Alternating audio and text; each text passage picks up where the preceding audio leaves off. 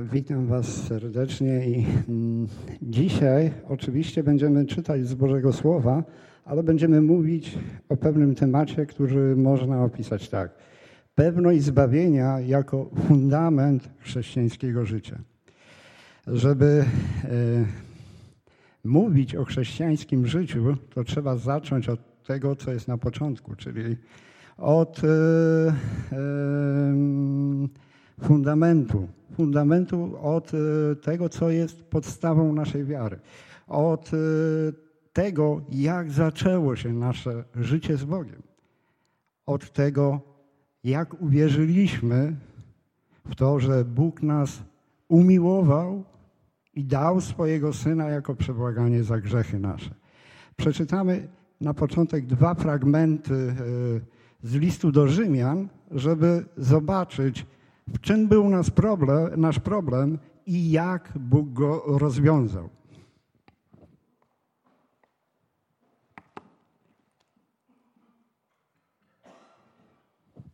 List do Rzymian, trzeci rozdział od dziewiątego do dwudziestego wersetu to na początek. Cóż więc, przewyższamy ich? Wcale nie. Albowiem już przedtem obwiniliśmy Żydów i Greków o to, że wszyscy są pod wpływem grzechu. Jak napisano, nie ma ani jednego sprawiedliwego, nie masz kto by rozumiał, nie masz kto by szukał Boga. Wszyscy zboczyli, razem stali się nieużytecznymi. Nie masz kto by czynił dobrze, nie masz ani jednego. Grobem otwartym jest ich gardło, językami swoimi knują zdradę. Jad żmi pod ich wargami. Usta ich są pełne przekleństwa i gorzkości. Nogi ich są skore do rozlewu krwi. Spustoszenie i nędza na ich drogach, a drogi pokoju nie poznali. Nie ma bojaźni Bożej przed ich oczami. A wiemy, że cokolwiek zakon mówi, mówi do tych, którzy są pod wpływem zakonu, aby wszelkie usta były zamknięte i aby świat cały podlegał sądowi Bożemu. Dlatego z uczynków zakonu nie będzie usprawiedliwiony przed nim żaden człowiek, gdyż przez zakon jest poznanie grzechu. E, apostoł Paweł zaczyna od słów, cóż więc, przewyższamy ich? Wcale nie, albowiem już przedtem obwiniliśmy Żydów i Greków o to, że wszyscy są pod wpływem grzechu. Wszyscy są pod wpływem grzechu, zarówno e, Izraelici, czyli członkowie narodu wybranego, jak i Grecy, czyli wszyscy, którzy nie są Żydami, są pod wpływem grzechu. Można powiedzieć tak, to Paweł tak argumentuje, jednak to, co jest napisane dalej, wyklucza takie rozumienie, ponieważ jest, e, mówi tak, jak napisano, gdzie napisano? W Słowie Bożym, a konkretnie w Starym Testamencie. Nie ma ani jednego sprawiedliwego. Od tych słów zaczyna się y, orzeczenie Słowa Bożego o stanie człowieka. Nie ma ani jednego sprawiedliwego. I żeby to opisać dokładnie, dalej jest napisane: Wszyscy zboczyli. O tak, nie masz kto by rozumiał, nie masz kto by szukał Boga. Wszyscy zboczyli jest szczegółowo napisane, co to znaczy, że wśród ludzi nie ma ani jednego sprawiedliwego. Nie ma ani jednego, który by rozumiał prawdę Bożą. Nie ma ani jednego, który od urodzenia szukałby woli Bożej, żeby ją wypełnić. Nie ma ani jednego, który by czynił dobrze. Oczywiście możemy powiedzieć tak, są ludzie, którzy od urodzenia zrobią coś dobrego. To nie o to chodzi, że człowiek nie potrafi zrobić coś dobrego, ale nie potrafi robić tego z właściwych pobudek, poszukując w tym Bożej chwały. Bo od tego zaczyna się sprawiedliwość przed Bogiem. Najpierw, tak jak jest powiedziane i w przykazaniach dziesięciu, i w liście do Rzymian, ludzie, którzy są w stanie rozpoznać to, że Bóg jest, nie uczcili Go. Wiedząc o tym, że Bóg jest, powinni Go uczcić. Od tego się zaczyna sprawiedliwość przed Bogiem. Uczczenie Boga. od swojego urodzenia żyjąc dla chwały Bożej, od swojego urodzenia poszukując woli Bożej, od swojego urodzenia szukając tego, co jest dobre przed Bogiem, a nie dobre dla mnie. I kończy Paweł to orzeczenie w ten sposób. A wiemy, że cokolwiek zakon mówi, mówi do, do, tych, którzy są pod wpływem zakonu, aby wszelkie usta były zamknięte i aby świat cały podlegał sądowi Bożemu. Wszyscy, którzy są pod wpływem zakonu, możemy pomyśleć, że pod wpływem prawa są tylko Izraelici. No nie, my też. To jest Boże prawo, a wszyscy jesteśmy podlegli Bogu. Czy jesteśmy Żydami, czy nie, podlegamy Bogu jako temu, który stworzył wszystko i do którego wszystko należy i który jest królem nad wszystkim. A my, nie przyjmując Bożego prawa, nie postępując według niego, okazujemy się buntownikami. Nie musimy mordować, żeby być buntownikiem. Wystarczy, że nie szukamy woli Bożej, że nie czcimy Boga od urodzenia. To wystarczy, żeby być buntownikiem i podlegać Bożemu sądowi. Prawo, które osądziło nas w ten sposób, że wydało taki wyrok, nie ma ani jednego sprawiedliwego, nie daje nam nadziei na nic, oprócz wyroku skazującego. Przez prawo możemy tylko poznać jedno. Jesteśmy grzesznikami, podlegamy Bożemu sądowi i czeka nas potępienie. Gdyby w tym miejscu skończyć, to pozostaje nam tylko rozpacz. Ale Bóg jest dobry. I dlatego przeczytamy teraz dalej to, co Bóg zrobił, żeby nas uratować. Od 21 wersetu. Przeczytamy do 28. E, Ale teraz, niezależnie od zakonu, objawiona została sprawiedliwość Boża, o której świadczą zakon i prorocy. I to sprawiedliwość Boża przez wiarę w Jezusa Chrystusa dla wszystkich wierzących. Nie ma bowiem różnicy, gdyż wszyscy zgrzeszyli i brak im chwały Bożej i są usprawiedliwieni darmo z łaski Jego przez odkupienie w Chrystusie Jezusie, którego Bóg ustanowił jako ofiarę przebłagalną przez krew Jego, skuteczną przez wiarę dla okazania sprawiedliwości swojej przez to, że w cierpliwości Bożej pobłażliwie odniósł się do przedtem popełnionych grzechów. Dla okazania sprawiedliwości swojej w teraźniejszym czasie, aby On sam był sprawiedliwym i usprawiedliwiającym tego, który wierzy w Jezusa. Gdzież więc chluba Twoja wykluczona? Przez jaki zakon uczynków? Bynajmniej, lecz przez zakon wiary. Uważamy bowiem, że człowiek bywa usprawiedliwiony przez wiarę, niezależnie od uczynków zakonu. Ale teraz, niezależnie od prawa, które wydało wyrok w naszej sprawie, Bóg objawił swoją sprawiedliwość. To samo prawo, to samo orzeczenie, które czytaliśmy, które pochodzi ze Starego Testamentu, w Starym Testamencie zapowiedziało sprawiedliwość Bożą. To jest Jego sprawiedliwość, która teraz została objawiona.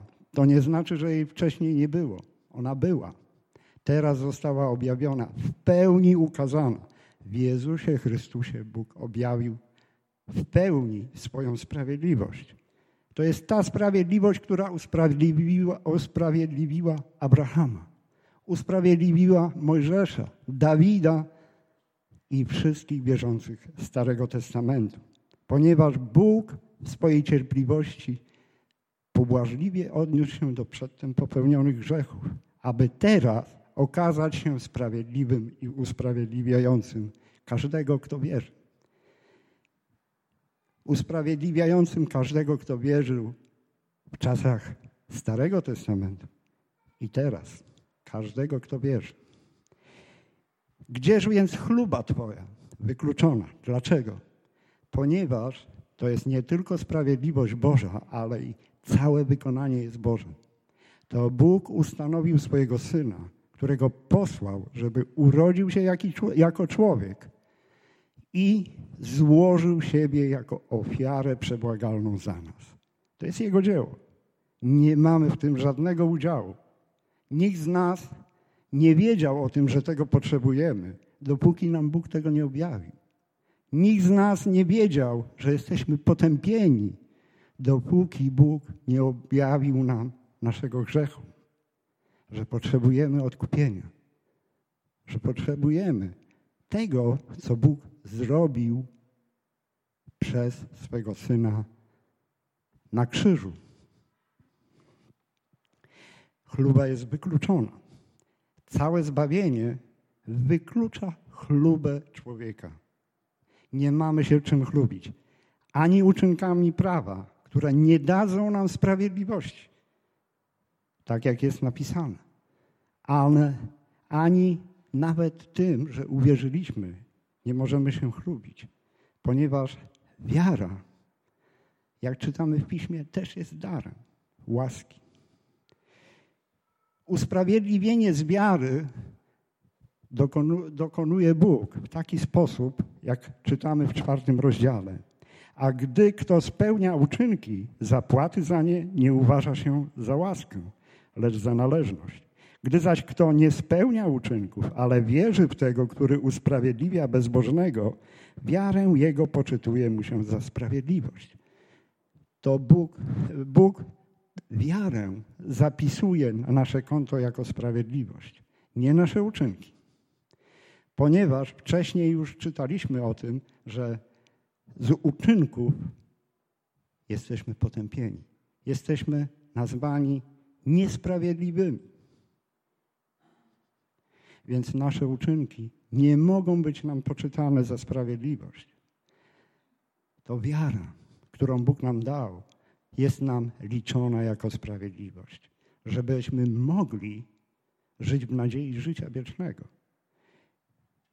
A czy to, co Bóg dokonał, czy zbawienie, które otrzymałem, gdy uwierzyłem, jest pewne, jest zapisane w piątym rozdziale tego samego listu, od pierwszego do piątego wersetu.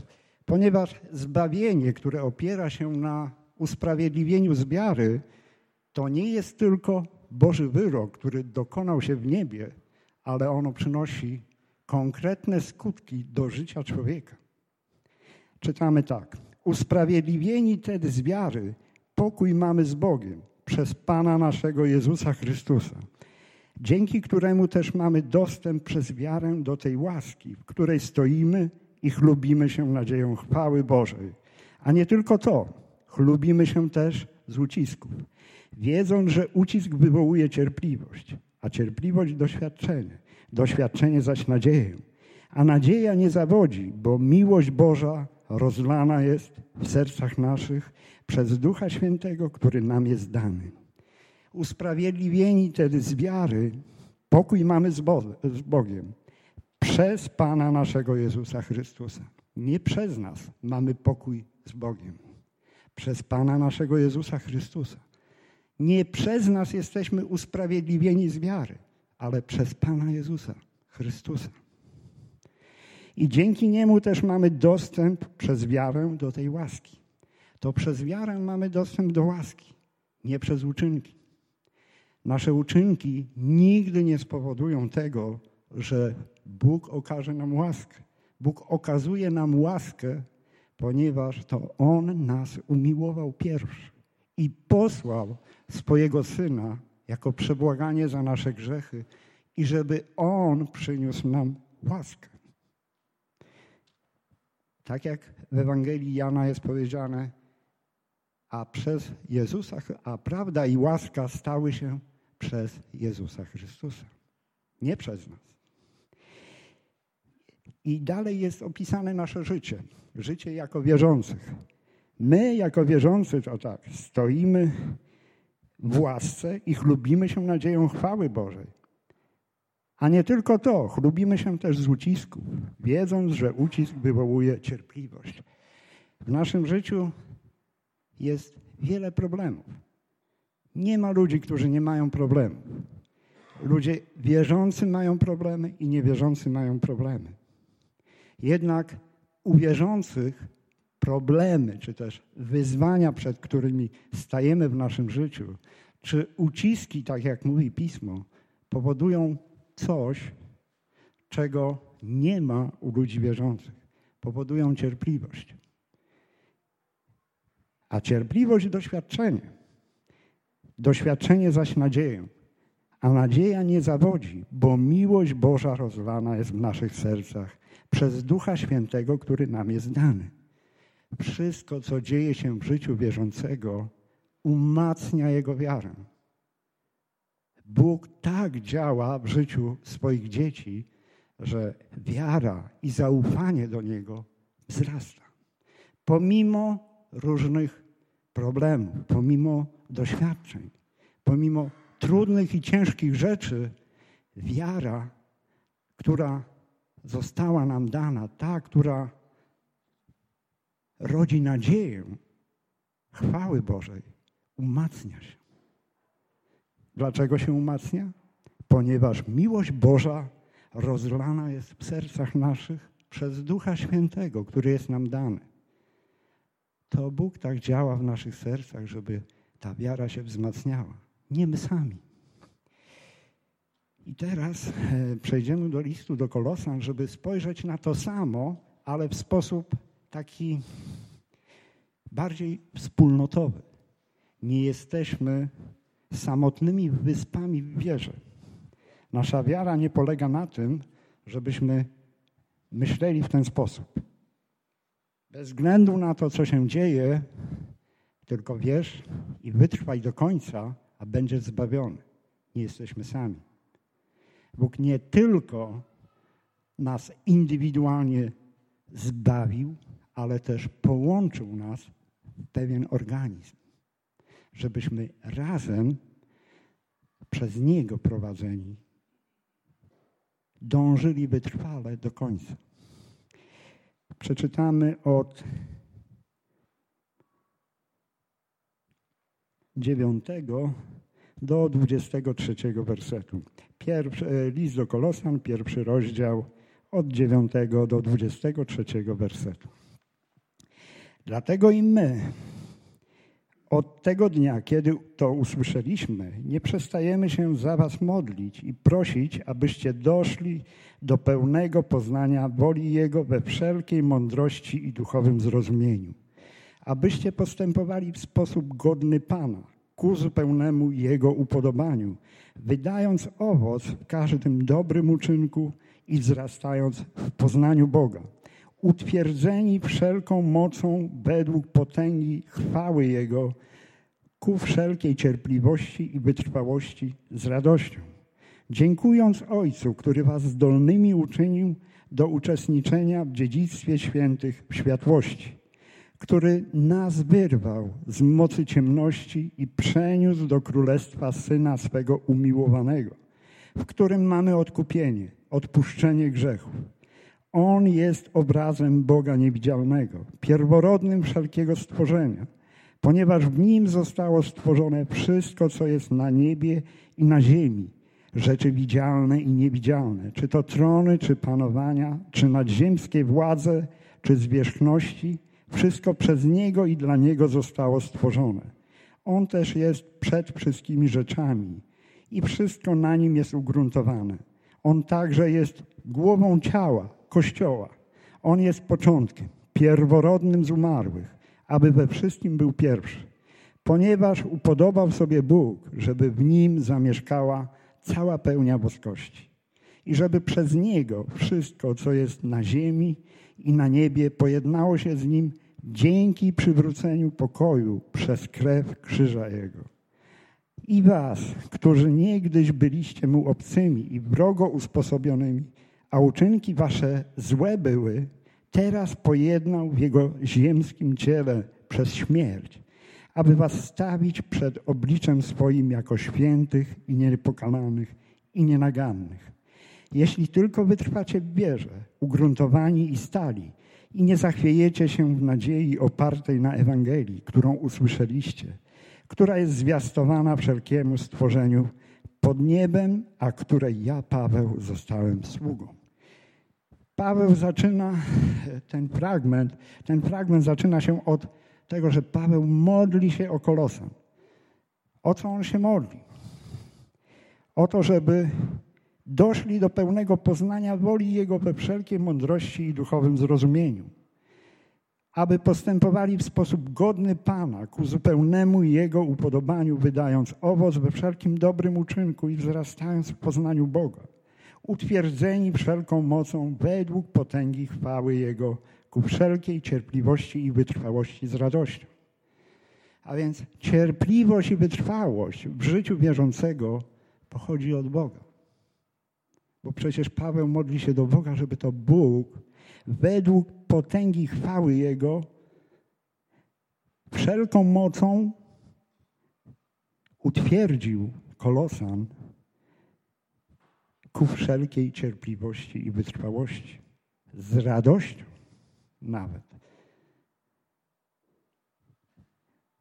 Modli się o to, żeby Bóg sprawił, że, żeby wierzący kolosanie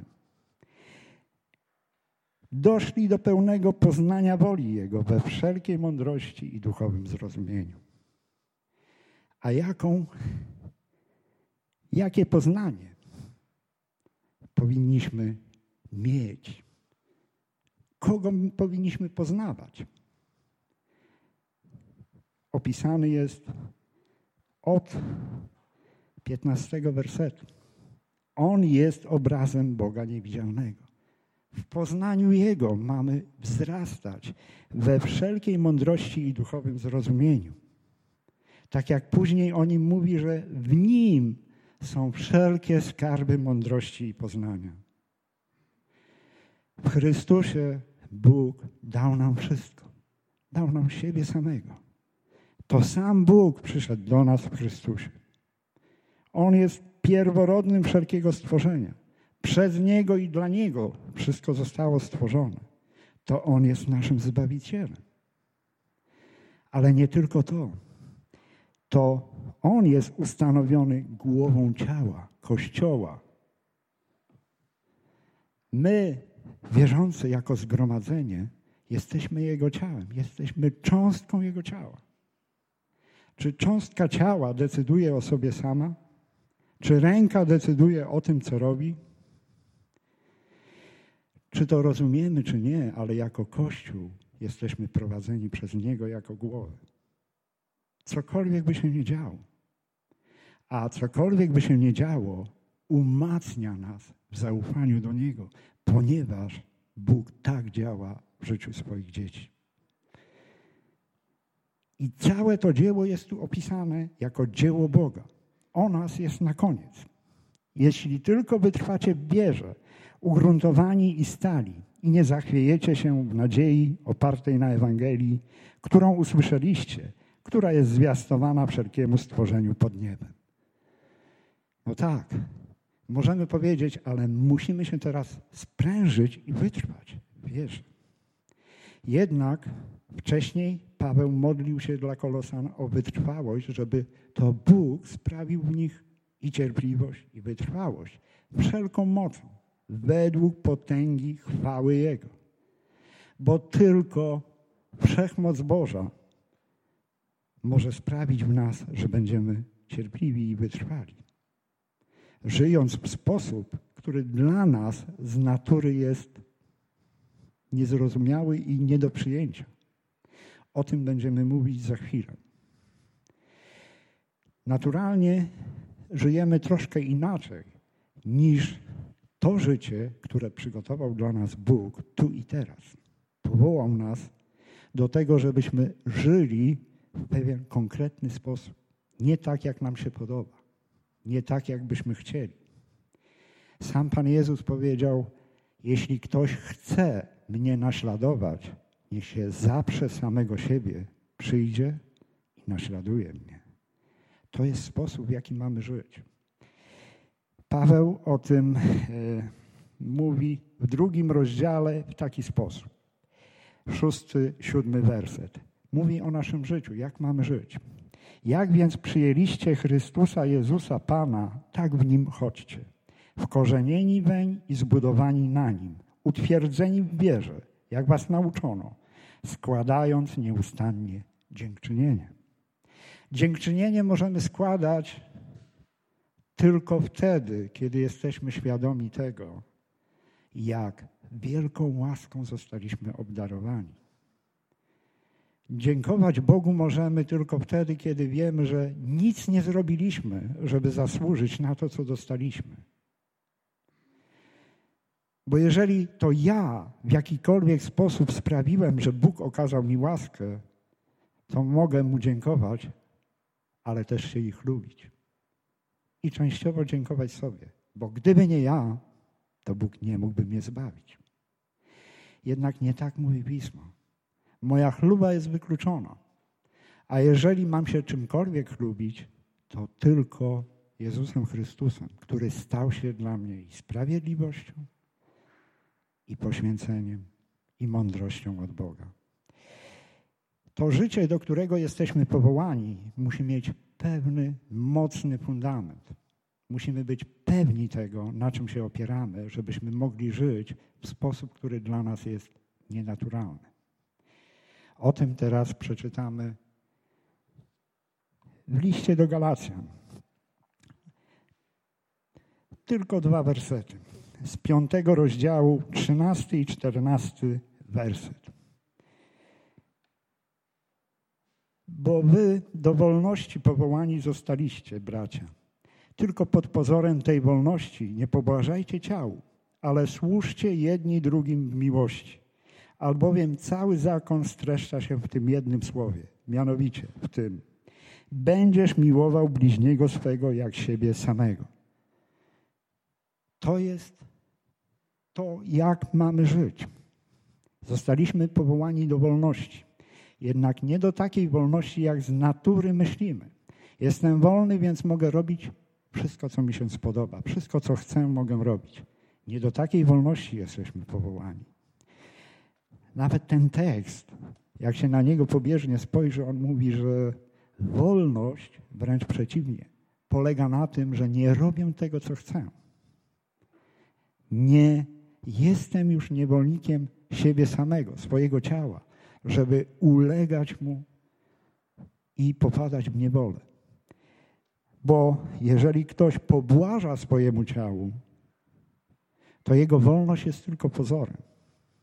Prawdziwa wolność jest, czy też polega na tym, że mogę nie robić tego, co chcę, ale mogę żyć tak, jak tu jest powiedziane. Służyć drugim w miłości.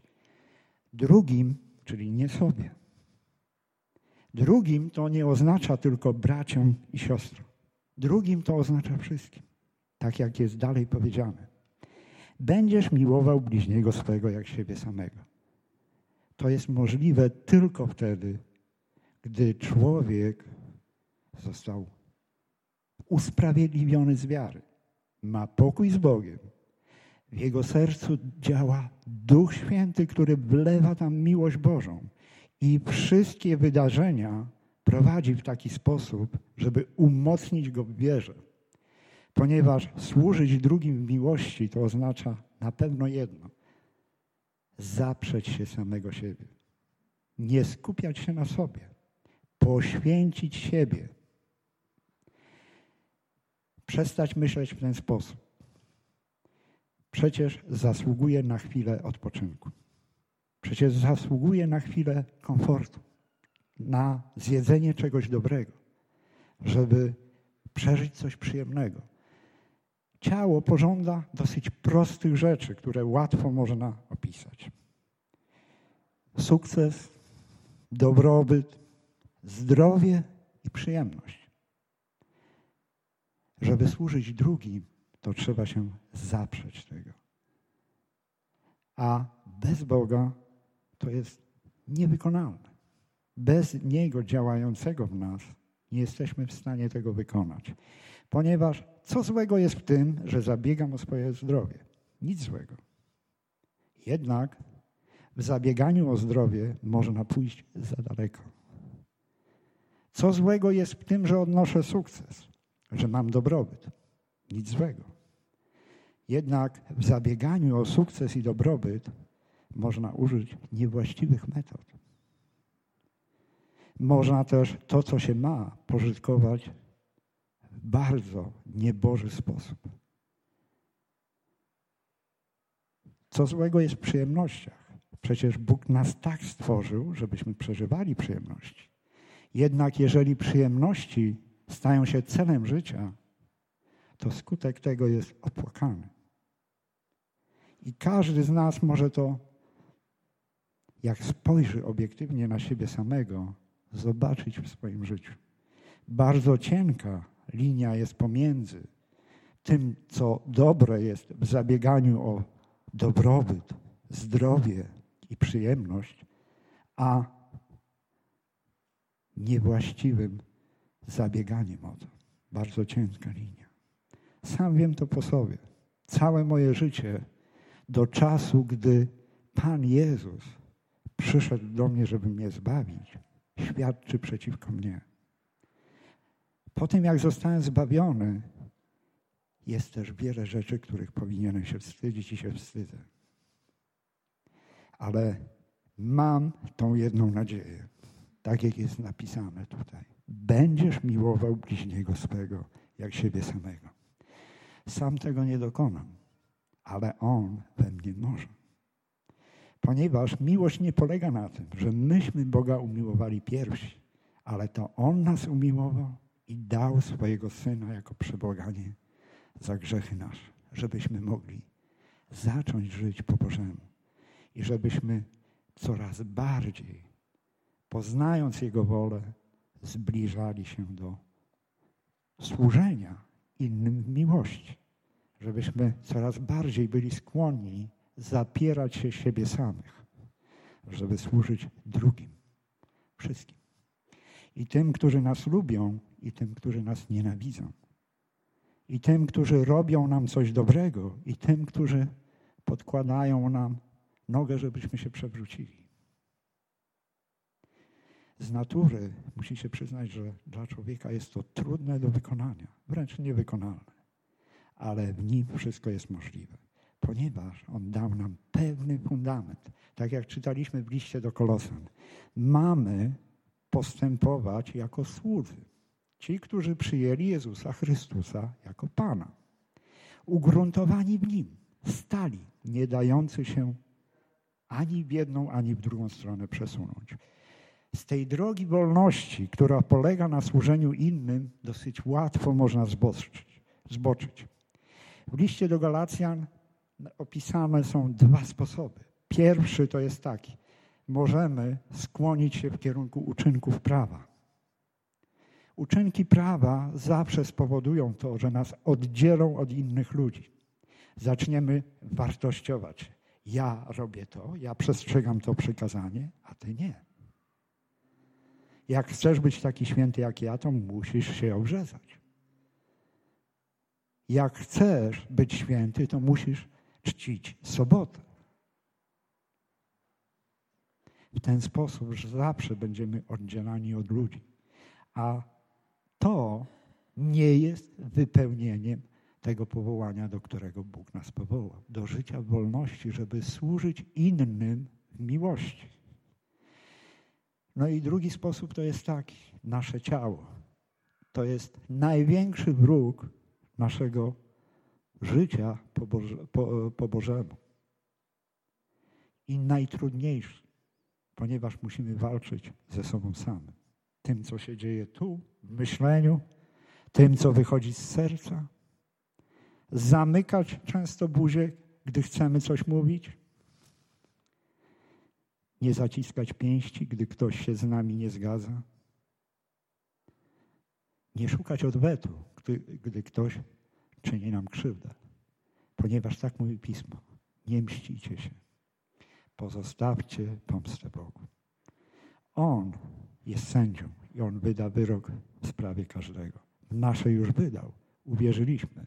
My mamy służyć drugim w miłości. Mamy walczyć o zbawienie drugich a nie z nimi.